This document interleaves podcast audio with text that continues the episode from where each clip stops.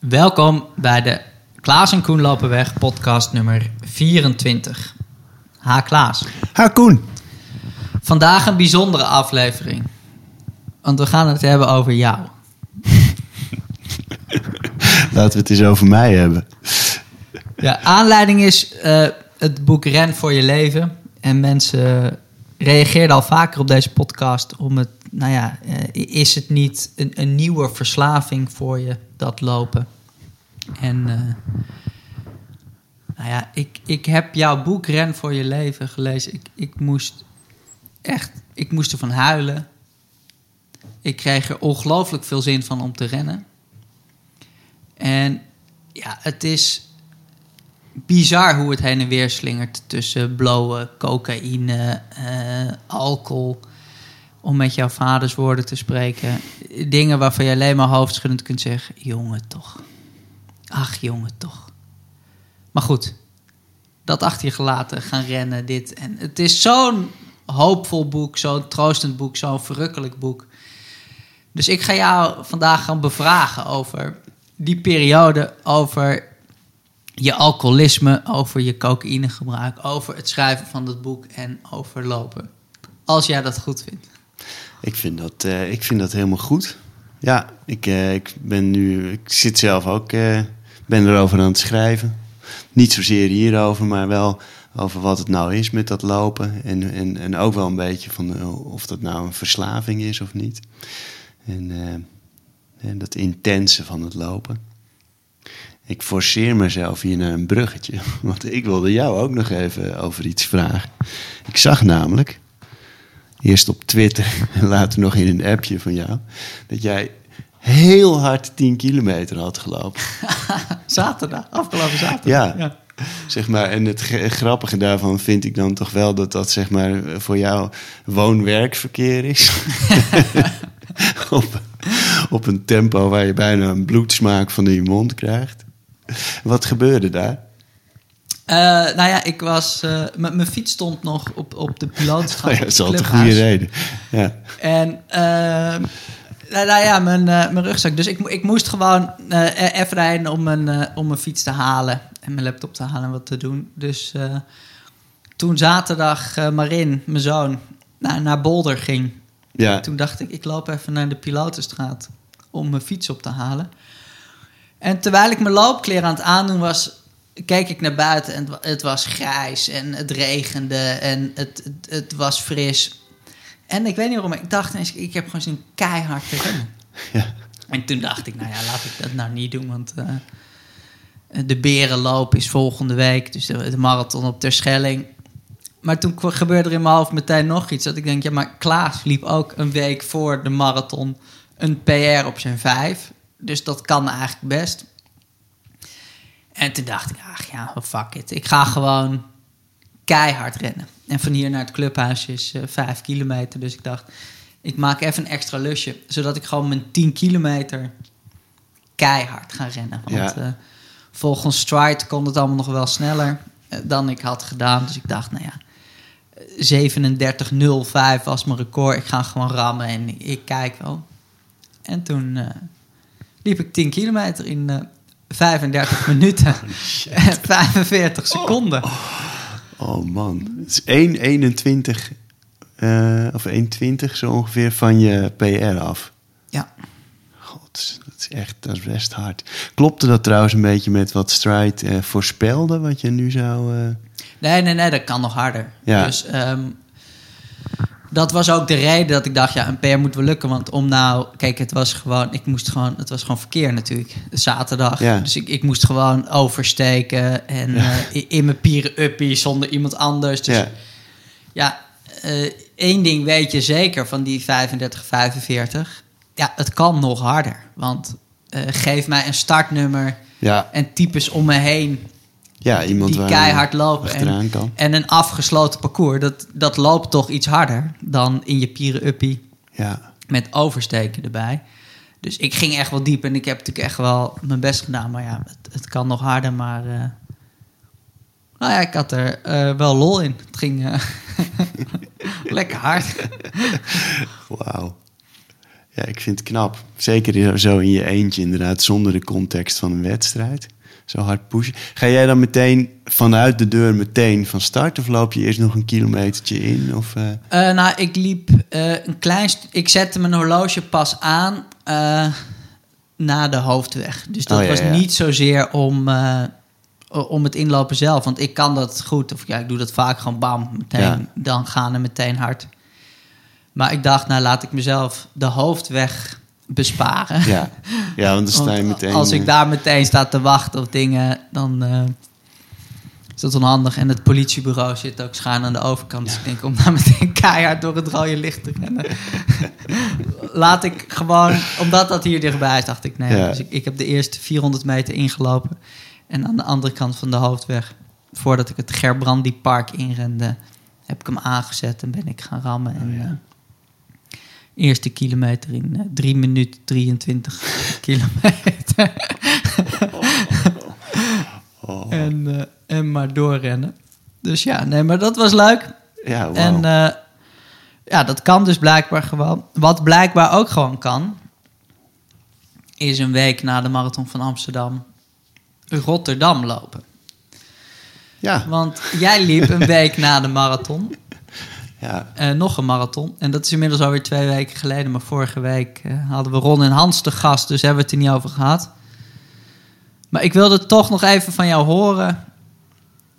Wat was er in jouw gevaren dat jij dacht: het is een goed idee om een week na Amsterdam, waar ik onder de drie uur loop, te starten bij de marathon van Rotterdam? ja het, achteraf weet ik van ja, dat zaadje was denk ik al ergens geplant toen ik eh, van, van en over verschillende mensen hoorde die eh, Amsterdam en Rotterdam gingen lopen. Omdat het zo uniek is dat ze achter elkaar plaatsvinden.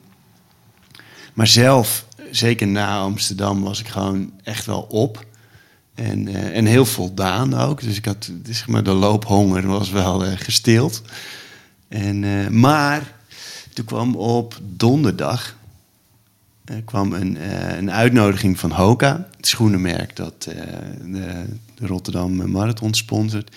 De vraag of ik het leuk vond om eh, bij eh, te gast te zijn. Ze hadden een afterparty voor, die, voor de marathon. En nou, ik kon daar een beetje kijken en zo. Dacht ik leuk, want er lopen ook een paar mensen die ik heb getraind. En dat zei ik tegen mijn Alexandra, tegen mijn vrouw van... vind jij het oké als ik dan eh, op zondag eh, naar Rotterdam ga? En toen zei ze, ga je lopen? En toen, dat, dat bleek de scheut water op dat zaadje dat al echt geplant was ergens te zijn. Dat ik dacht, nou, ja, Dat is de verdienste van Alexandra. ik, ja, dus toen, eh, eerst maar even aan Hoka vragen of ze dan eh, misschien nog een startnummer eh, voor me hadden. Dat hadden ze. Dus eh, ja, toen donderdagmiddag eh, eh, besloten eigenlijk. Vrijdag startnummer geregeld en ingeschreven. En ja, toen gaan lopen. En, en ja, ook het idee van het was, hè, het was natuurlijk een bijzondere Rotterdam Marathon. Ook omdat het 2,5 jaar geen marathon was geweest daar. Het was weer, net als eh, in Amsterdam, echt supergoed, eh supergoed loopweer. Ja. En eh, nou, Rotterdam is natuurlijk een hele mooie marathon met al die mensen langs de kant. Dus ik dacht, ik ga er gewoon heen. Ik ga gewoon kijken of ik gewoon op hartslag lopen. Dus kijken wat, wat de benen doen. En, en dat ging hartstikke prima. Eigenlijk tot 26, 27, ki- 27 kilometer. aardig tempo ook nog wel gelopen. En eh, toen gaven mijn benen iets anders aan dan eh, mijn hartslag zei dat ik moest kunnen. En eh, dus die laatste eh, 15, 16 kilometer heb ik ja, een beetje geprobeerd op ontspannen te lopen. Niet meer op mijn horloge gekeken ook. Niet naar hartslag en niet naar tempo. En, en toen bij 38, 39 kilometer dacht ik van nou, als ik een klein beetje push, dan kan ik nog onder de 310 lopen. dus, En eh, zo geschieden. en zo geschieden. Dat ging zeker niet vanzelf hoor. Pushen betekende echt dat ik 4,40 liep of zo. Dus dat is echt wel een ander verhaal dan, eh, dan Amsterdam. Maar ja, dat was superleuk. Hartstikke mooie ervaring. En ja, kijk, ik moet er dan altijd natuurlijk bij zeggen, hè, het, is, het is misschien niet, ja, niet, niet slim om twee marathons achter elkaar te lopen. Of voor je lijf is het niet het beste wat er is. Maar wel heel leuk. Ja, en als ik jou daarover hoor praten en als ik jou dat zie doen van, van dichtbij, zie ik Mhm. dan, dan, dan zie ik alleen maar loopvreugde en, en genieten. En Ja. eh, als jouw denkhoofd de blik in jouw ogen overneemt en je gaat het hierover praten, dan komt er, komen de pretoogjes tevoorschijn. En dan zie je gewoon voor pret genieten. Ja, En dan lijkt het ook in, in lichaamshouding en hoe jij erover praat, lijkt het eh, zorgeloze pret. Er, er lijkt niet iets van een gevaar in te zitten van je hebt de verslaving van Mm. cocaïne, blowen, drinken ingeruild voor een nieuwe mateloze verslaving. Maar eh, de, de luisteraars hadden het natuurlijk al wel eens gevraagd ook. Ja. Heb je niet de ene verslaving ingeruild voor de andere verslaving? Want, nou heel even kort voor mensen die jouw geschiedenis niet kennen. Je hebt vrij lang een drank- en drugsprobleem gehad. En Ja. bent nu bijna tien jaar clean. ja, En hebt... Het viel samen het moment dat jij besloot... ik blijf van de drank en drugs af. En dat je het lopen ja. hebt omarmd. Goed, daar gaan we het straks, ga ik straks zeker dingen over vragen. Maar eerst die verslaving. ja. Is het in de kiem vergelijkbaar? Jouw lopen en jouw drinken... in de zin van mateloosheid en een verslaving. Kijk, inderdaad, het, het, hangt, het antwoord hangt af van eh, wat je definitie van, van verslaving is. Ehm, kijk, mijn eerste neiging is om te zeggen van nee. Maar dat is omdat ik het allebei zo totaal anders ervaar. Het ene is negatief en donker. En het andere is eh, positief, optimistisch, licht. En, maar, kijk, als je kijkt eh, als je zegt van verslaving is iets, ehm, is een gedraging of een middel eh, waar je niet zonder kan, wat je de hele tijd moet hebben of moet doen, nou ja, dan lijkt het verdomd veel op een verslaving. En het is een gedraging ook die, of een, een gedrag, eh, wat niet nodig is om te overleven. Zoals eten of drinken. Of eh, niet nodig om een huur te betalen, zoals werken. Ook dingen die je allemaal dagelijks Mhm. doet. Eh, in die zin niet. Kijk, voor mijzelf is verslaving, eh, dat kenmerkt zich ook door een, een heel scala, een breed scala aan negatieve gevolgen. Dus, eh, bijvoorbeeld eh, problemen, eh, f- gezon- eh, fysieke en mentale problemen, financiële problemen, verstoorde relaties, controleverlies, ehm, ehm, eh, obsessie. Je eigenlijk alleen maar goed voelen als je seks hebt, iets koopt of drugs en of drank gebruikt. En dat zijn allemaal dingen die, ja, die heb ik niet met lopen. Ja, als ik ochtends om zes uur een uur heb gelopen, dan is het klaar voor die dag. En misschien zelfs ook wel voor die volgende dag.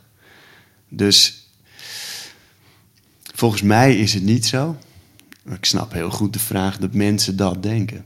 En, en wat, wat trouwens ook zeker wel zo is, dat, dat intense wat ik kon ervaren bij eh, het gebruik van, eh, van drank en drugs. Weet je wel, dat, dat heftige gevoel dat je dan kan hebben, dat kan ik ook in lopen ervaren.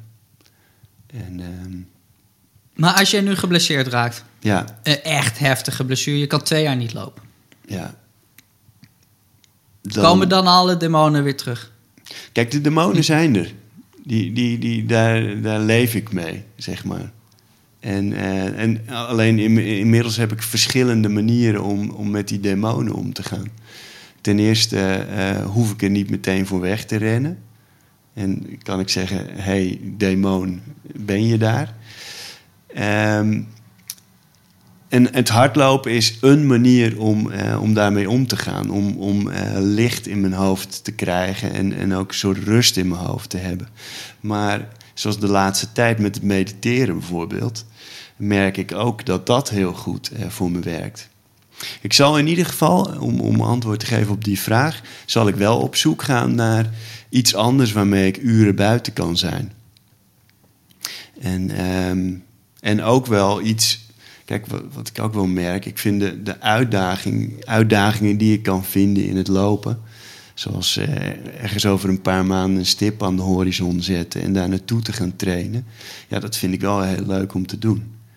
Dus die combinatie van het buiten zijn en bezig zijn, die activiteit en, en, een doel, uh, doel kunnen, kunnen stellen, die, uh, die zou ik wel willen vervangen dan. Maar ik geloof zeker dat, uh, dat ik ook uh, nuchter en clean kan blijven zonder te hardlopen. Ik ben ook niet nuchter en clean geworden of gebleven door het hardlopen. Dat, dat, dat zit hem echt wel in iets anders. Dat is een spirituele verandering. En je, hebt daar, je doet dat niet alleen. Natuurlijk, dat clean blijven. Wanneer was je voor het laatst bij een AA-meeting? Ja, dat is best even geleden, want door corona is dat allemaal heel erg anders geworden. Ehm, de laatste keer dat ik bij een meeting was, was een uh, NA-meeting. Ja, zo alweer een maand of twee geleden, denk ik. Ja. Maar goed, dat, dat vind jij lang geleden. Ja. Maar ik denk dan, joh, als je tien jaar clean bent. Je, nee, dan een, een, jaartje die meetings bijwonen, dan, dan is dat wel klaar. Maar zo werkt het dus niet. Dat is iets in principe. Ja daar blijf je heen gaan. Ja, het is een, uh, een, ja, het is zeg maar AA en A, de 12 stappen programma's. Dat zijn, het is een spiritueel programma. En net als dat je, als je ooit een tiendaagse meditatiecursus hebt gedaan, hou je daarna niet op met mediteren. Dat, is een, een practice, zeg maar. Dat is iets wat je blijft doen. Net als uh, dat je, als je ooit een keer naar de sportschool bent geweest, als, of bent gaan hardlopen, ja. dan, dan blijf je dat doen, dan blijf je onderhouden. En uh, zo zie ik ook uh, verslaving. Het is een, een, een stoornis die ik heb.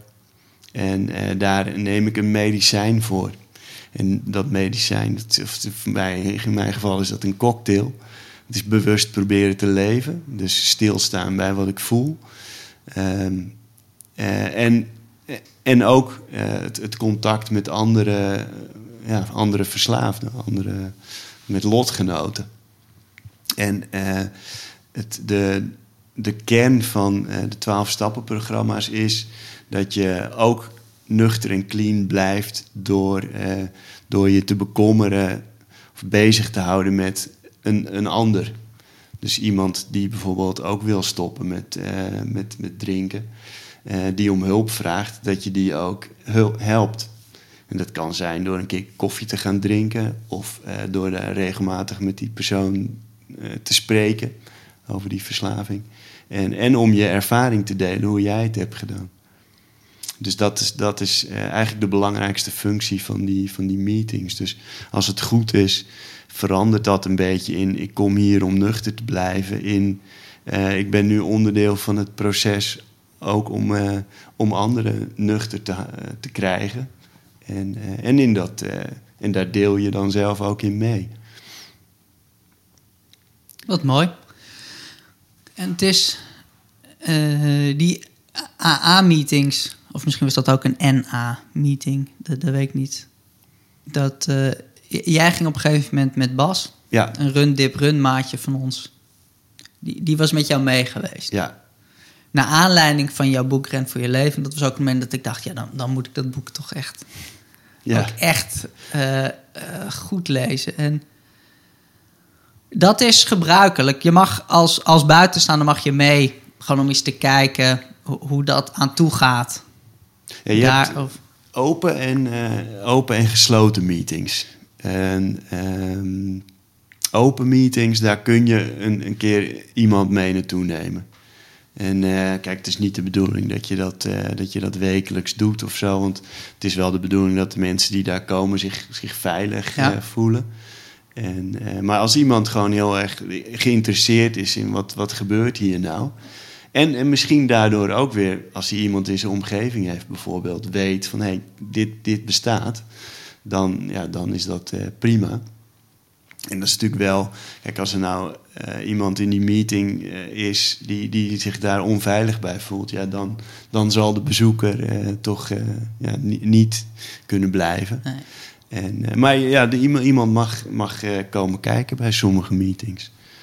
En ja, dat. en, en die gesloten meetings, dat is, ja, dat, dat is in principe ook voor iedereen toegankelijk. Maar wel als jij je identificeert als verslaafde, als alcoholist. Ja, want dat is wel iets waar ik vo- voordat ik jouw boek las, wist ik dat eigenlijk van mezelf niet zo zeker. In Nee. de zin van al dat mateloze gedrag Ja, van jou, wa- wat je beschrijft toen je in, in Groningen ging studeren. En dat je dan om vier uur 's middags begon met drinken.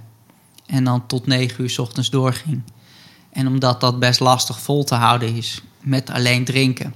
Dat Ja. je tussendoor dan ook cocaïne neemt om, om door te kunnen gaan. Dat, dat mateloze gevoel en dat niet kunnen stoppen. eh, dat herken ik heel erg. Maar dat punt waar, wat jij beschrijft op een gegeven moment... dat je lichaam het zo overneemt... dat je dan als je daarna een bonkend hoofd hebt... en je bent somber en je bent depressief... en je voelt je echt heel beroerd... dat de drang om dan weer naar die roes te gaan... continu groter is... Dan op een gegeven moment de behoefte van... joh, ik, moet, ik wil nu even van die kater af... en eh, weer even gewoon doen. Ja, ja, dat ergens daar het verschil zit tussen, nou ja, mateloosheid en een verslaving. ja, En jij kan nu niet één biertje nemen. Dat doe je gewoon nooit meer, nee, want dat is levensgevaarlijk. Want je weet dat het niet bij één biertje blijft en ergens, poef, nee. gaat het weer een kant op. En hoe is dat dan voor jou als andere mensen bij jou in de buurt wel drinken? Prima. Als, Ja. jij, eh, als jij bij je broer op visite gaat of bij je ouders of je zit in een setting en dat zijn mensen die jou lief hebben, Ja, die hebben vast ook jouw boek gelezen. Ja. Durven die nog een biertje te drinken waar, je- waar jij Nou, naast dat- zit? Oh. da- da- dat gaat echt wel, eh, inmiddels niet meer hoor, maar dat is zeker in het begin wel gepaard gegaan met, eh, met zeker ongemak. Vooral van hun kant. Zo van ja, dan zit ik hier. eh, da- dat is sowieso. Mensen vinden het over het algemeen best ongemakkelijk als je niet drinkt. Omdat ze ervan uitgaan dat je daardoor ook een waardeoordeel hebt over dat zij dat wel doen. Maar het is voor mij kristalhelder dat. ehm, voor de meeste mensen eh, is het niet zo dat, eh, dat, dat ze als ze iets drinken, dat dat doorslaat in iets negatiefs. En die drank zelf, ja, dat, dat is niet de boosdoener. Weet je wel? Mijn, mijn probleem is wat mij eh, in, in problemen bracht. En, dus ik vind het niet, ik vind het niet, niet erg als iemand drinkt. Ik vind het als je op een feestje bent of een verjaardag of, eh, of in het stadion bij Ajax er komt een bepaald moment als mensen echt in die roes raken. eh, en, en je bent dat zelf niet, dan, dat, dat, dat ik me een beetje gegeneerd voel. En ik denk dat dat komt omdat ik gewoon in mijn, in mijn diepste wezen weet van... Jezus, ja, zo deed ik dus ook altijd. Weet je wel, het, het herhalen en het, ehm, het, het veel te hard praten en, en, en die dingen. Ja, dat, dat vind, ik, dat vind ik niet zo makkelijk om, eh, om bij in de buurt te zijn. En ik, maar ik denk dat dat eigenlijk voor iedereen geldt die niet drinkt en in de buurt van eh, aangeschoten of dronken mensen is. Dat het ook een beetje gênant is, zeg maar. En je zit er zelf niet in. Ja. Dus, en daar, daar, ja, dat betekent natuurlijk ook dat er een, ehm, ja, dat er een scheiding ontstaat tussen, tussen, de, tussen mij in dit geval en, eh, en, en vrienden. Want eh, ja, op een gegeven moment ben je heel vaak niet meer bij dingen. En, eh, dus ja, er verandert wel veel als je, Als je, als je stopt met drinken. En ja, zeker als je uit mijn, mijn sociale kring komt, zeg maar. Dan ja, er wordt gewoon nog steeds best veel gedronken. En volgens mij ook nog wel regelmatig drugs gebruikt. En uh, ja, als je daar allemaal niet meer bij bent, dan, ja, dan, dan moet je ook je leven opnieuw uh, gaan inrichten. En, uh, ja, oh, en ook daarbij trouwens heeft het, het hardlopen wel een grote rol gespeeld. Het opnieuw vormgeven, zeg maar. Want wat ga je doen met, met al die ja. tijd? En heeft het boek schrijven daarin ook geholpen om het voor jou een plek te geven? Want je schrijft het allemaal ongelooflijk rauw en eerlijk op. Doe je, je beschrijft, nou ja, dat uh, je bent uh, meester in de rechten. Ja. Maar daar haalde je weinig uh, voldoening, eigenwaarde en vreugde uit. Ja. Want ondertussen bestond je leven uit uh, blowen, zuipen en Mario Bros uh, spelen. meneer de meester in de rechter, ja. die stand Mario Bros speelt. En, ja. Maar door hoe jij het opschrijft, nou ja, is het gewoon wat het is. Werkte dat voor jou louterend? Um, het was wel fijn om, uh, om, zeker dat eerste stuk, zeg maar, tot aan dat ik de kliniek inga, uh, was wel lekker om een keer helemaal zo op te schrijven.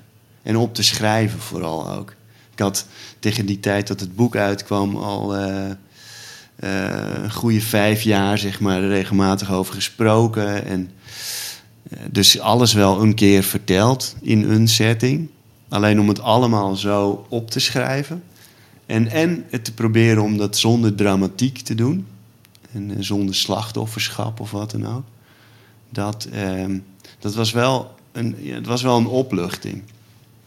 Ook eh, om t, gewoon het in het licht te zetten. Zeg maar, weet je wel, als je, als je met iets rondloopt en je zet het in het licht, dan uh, is het als een sneeuwpop die je in de zon zet, zeg maar. Dan, dan smelt het.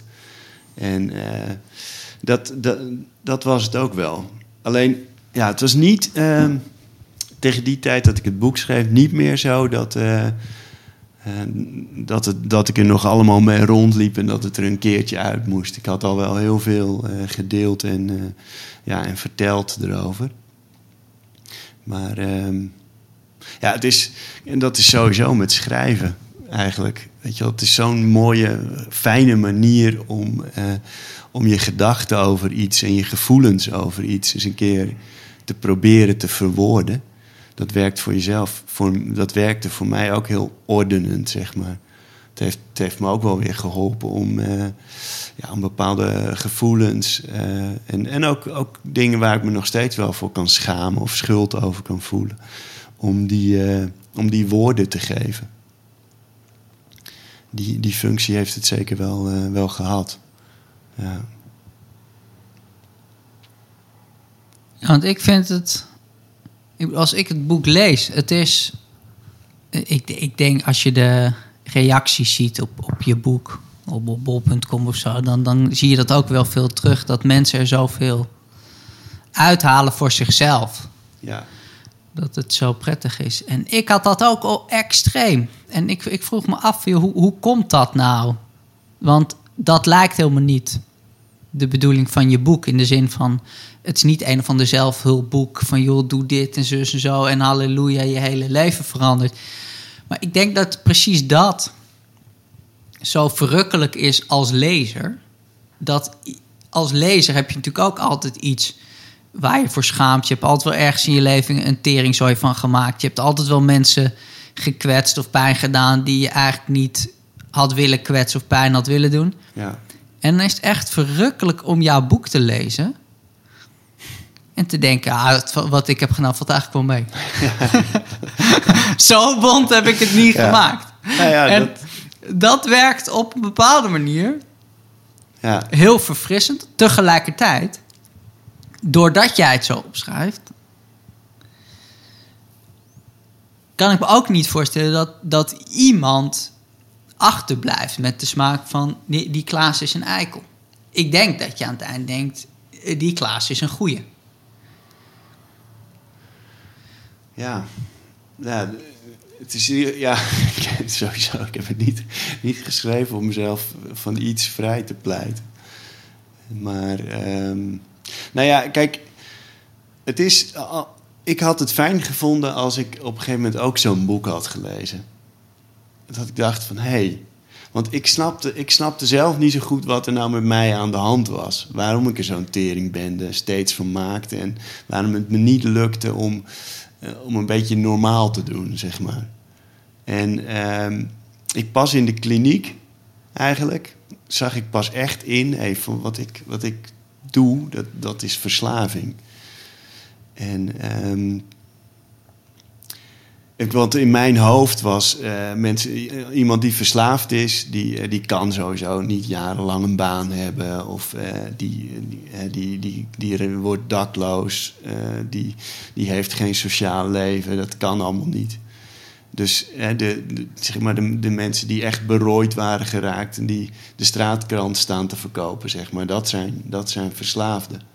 En eh, wat ik in heel veel reacties van mensen juist heb gehoord is... de meeste verslaafden zijn zoals ik. Die, uh, dat ziet er aan de buitenkant misschien nog... Hè, zeker als je van een afstandje kijkt... nog best acceptabel uit. En uh, die wonen gewoon tussen jou en mij in. Die wonen gewoon hier in de buurt.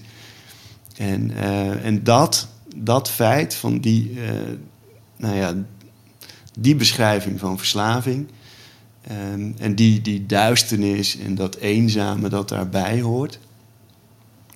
Dat, um, ik denk dat veel mensen dat herkennen. Ook als je niet zo ver bent uh, afgezakt. Of als het niet zo erg is geworden als bij mij. Weet je wel, dat iedereen uh, wel ergens herkent van ehm, iets van of mateloos gedrag, of inderdaad wat je zegt, ergens sociaal of zo een potje van hebben gemaakt. Of gewoon met een, met een soort onbestemd gevoel rondlopen, niet weten wat het is. En uh, ja, ik weet niet, ik hoop dat, dat, dat het boek dat ook nu weer voor nieuwe lezers gaat doen. Zeg maar, die, uh, dat je laat zien van nou, openheid uh, erover uh, kan al een hele hoop helpen. En, ja, wat natuurlijk ook erin staat. Van hoe, hoe ik ook het hardlopen uh, heb ja, kunnen gebruiken. En uh, hoe dat een rol heeft gespeeld in eh, een veel leuker leven gaan leiden. Ehm. Ja, want dat is iets dat. Dat is niet zo. Gaan eigenlijk kun je zeggen dat een verslaafde. Mm -hmm. op een gegeven moment dat zijn eigen lijf hem enorm in de weg zit. Want zijn lijf is op zoek naar de roes. En op het moment dat je in die roes zit, nou ja, dan word je heel even beloond in die roes. Maar daarna word je veel langer bestraft voor het feit dat je in die roes hebt gezeten. Om dat even zo samen te vatten. Met lopen wordt je lijf ineens ook weer je vriend. Ja. Ja. En dat vond ik zelf het, het mooie daaraan. Dat je dus niet, nou ja, afstand neemt van je lijf of denkt van joh, ik moet uh, mijn netwerk en met, met gesprekken, met meetings en met een uh, alleen maar op spiritueel niveau een ja. manier vinden om eigenlijk dit lijf in toom te houden en daar niet aan toe te geven.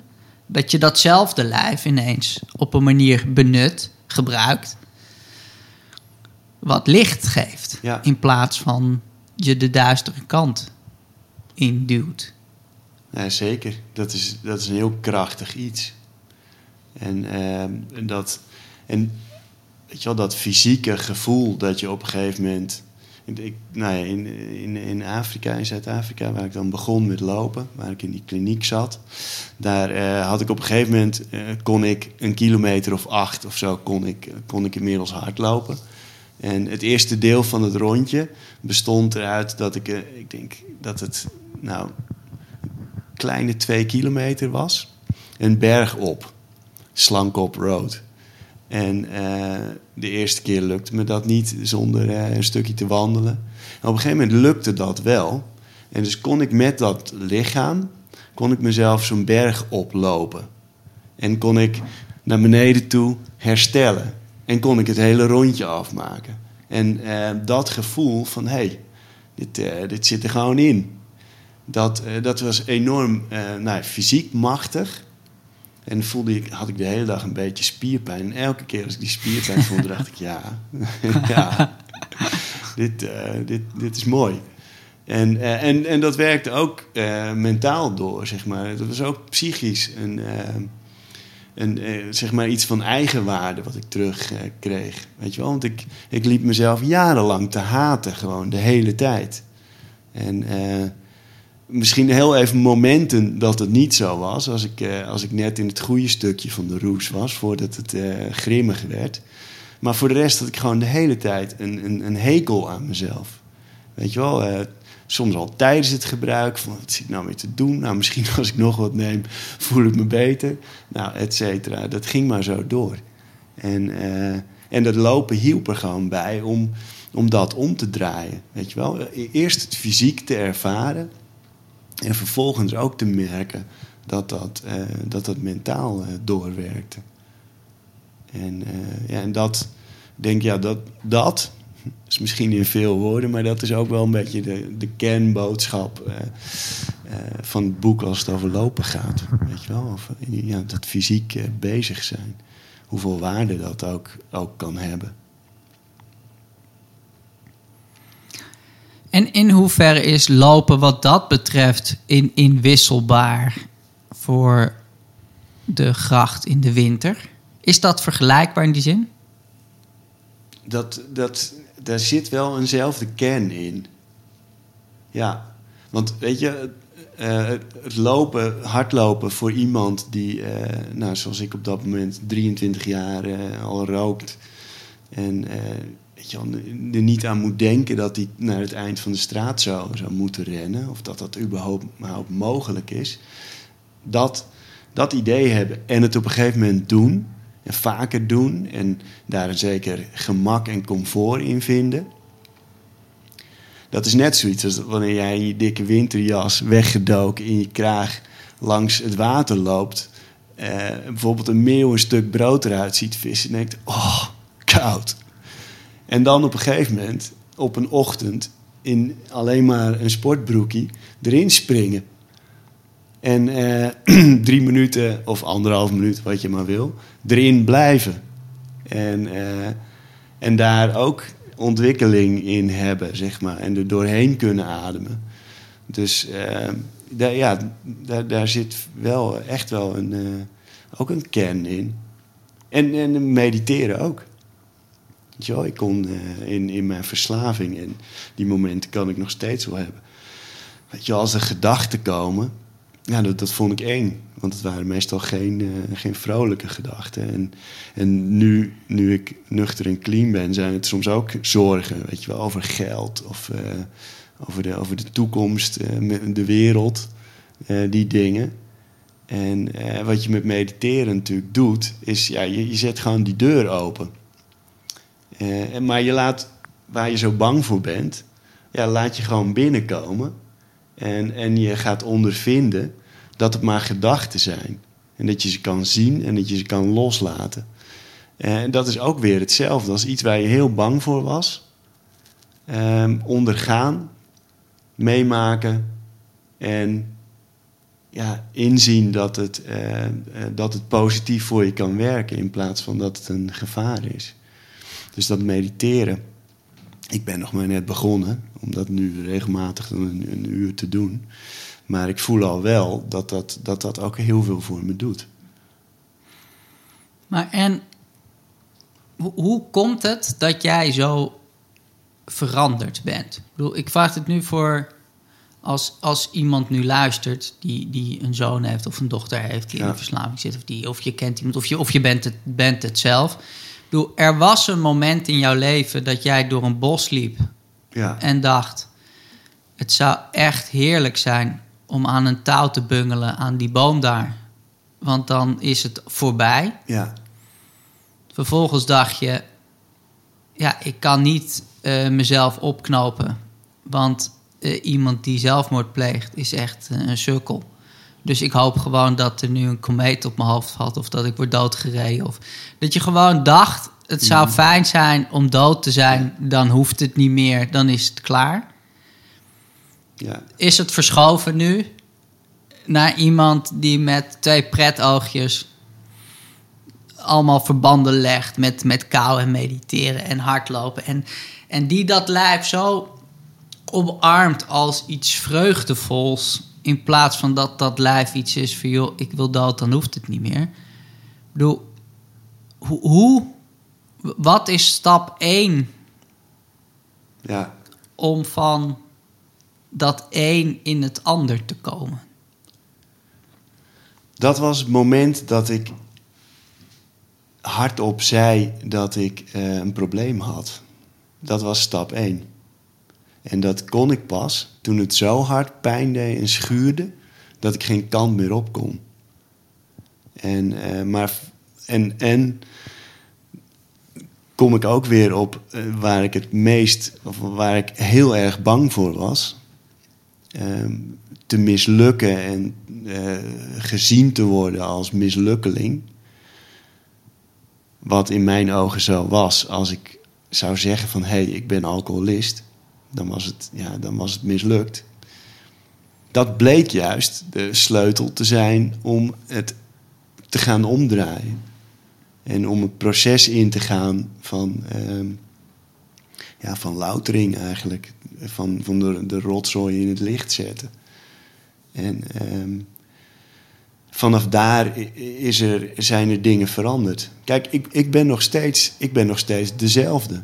Je hebt, ik geloof dat ik, ik heb maar één leven hier op aarde. En ik heb ook geen nieuw leven. Ik heb alleen een andere weg ben ik ingegaan. En, ehm, en dat is zeg maar die andere weg. Ja, ik eh, denk aan, een, eh, aan een, een, een rivier of een beekje... waar je een hele grote kei van, vanaf een heuvel inrolt. Die, die komt daar te liggen. Nou, vanaf dat moment neemt dat beekje een andere eh, loop. En, en zo is dat bij mij eh, ook gegaan. Dat je door een omstandigheid... Nou, bij mij was dat gewoon omdat eh, ja, alles in begon te storten... En, eh, en, en me er gewoon heel direct naar werd gevraagd van wat is nou eigenlijk jouw probleem door mijn toenmalige chef van mijn werk. Dat ik ineens dacht van nou, nu moet ik het zeggen. En ja, zo'n moment komt hopelijk bij de meeste mensen een keer voorbij. En, eh, en dan, ja, dan is het belangrijk, zoals bij mij. Ik wist van mijn broertje dat hij naar zo'n kliniek was gegaan. Dus ik wist dat er iets was. En eh, ja, en ik hoop ook dat ja, mensen die het boek lezen of die me horen praten of eh, op, op een andere manier in aanraking komen, dat ook zien en, en, en misschien wel op zoek gaan naar dat moment. En naar die koevoet om tussen de deur te zetten. En ja, vanaf daar is het gaan veranderen. En eh, ja, en, da- en dat is toch om de hele tijd eh, de openheid op te zoeken. Dat, eh, ja.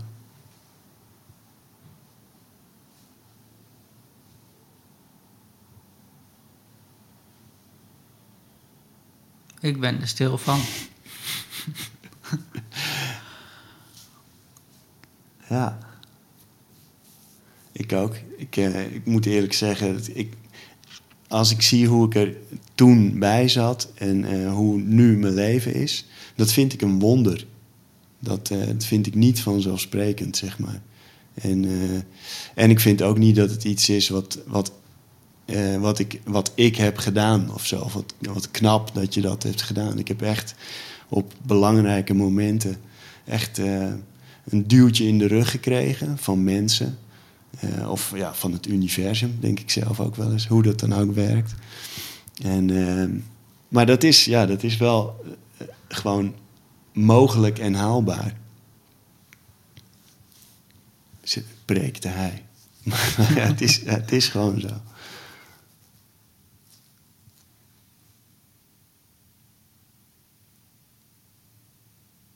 Ik denk dat we het daar wel bij kunnen laten, Klaas. Of eh, Hebben we het volgende keer weer gewoon over hardlopen. en misschien Zeker Johnny ook. Cash of Murakami. ik wens jou in ieder geval de komende 40 jaar veel licht in je hoofd. En veel loopvreugde. En veel mensen om je heen. Die ook veel licht hebben. En ja, ik, ik hoop echt dat eh, mensen die nu op dat punt zitten van joh, dat ze voelen. Joh, dit, het klopt niet wat ik doe met drank, drugsgebruik. Ja. Of, of koopverslaving, of seksverslaving, of gokverslaving, of gameverslaving. Of dat je vooral, nou ja, dat je gewoon je eigen waarde zo door de play spoelt. Door maar in die roes te gaan en waardoor je eigenlijk een beetje verscheurd door het leven gaat. En niet echt kunt leven. Ik denk, Ja, als je dan jouw boek leest en ziet hoe je van die verscheurdheid weer gewoon in het echte leven kan stappen. En dat dat aan de ene kant heel complex is en bewonderingswaardig. Maar aan de andere kant ook maar gewoon eens, ja, beginnen. En stap Ja. voor stap. En ineens kijk je achterom. En denk je, verrek, mijn leven is een wonder. Ja, dat dat wel een mooie, mooie boodschap is. Zeker. Ik hoop dat jij nog heel veel van die kilometers met mij meeloopt. Sowieso. Dat hoop ik ook zeer. En, eh, en eh, bovenal ook, heel erg bedankt, jij en de rest van het Mystical Miles team, dat eh, deze nieuwe uitgave er is. Dat was zonder jullie niet gebeurd. Dus daar ben ik heel blij mee. En ik hoop dat we daar ook nog andere mensen blij mee kunnen maken. Dat hoop ik ook zeker, want dit boek, ja, dat moet gewoon in druk zijn en lezers vinden. Gelijkmoedig voorwaarts. Moedig voorwaarts.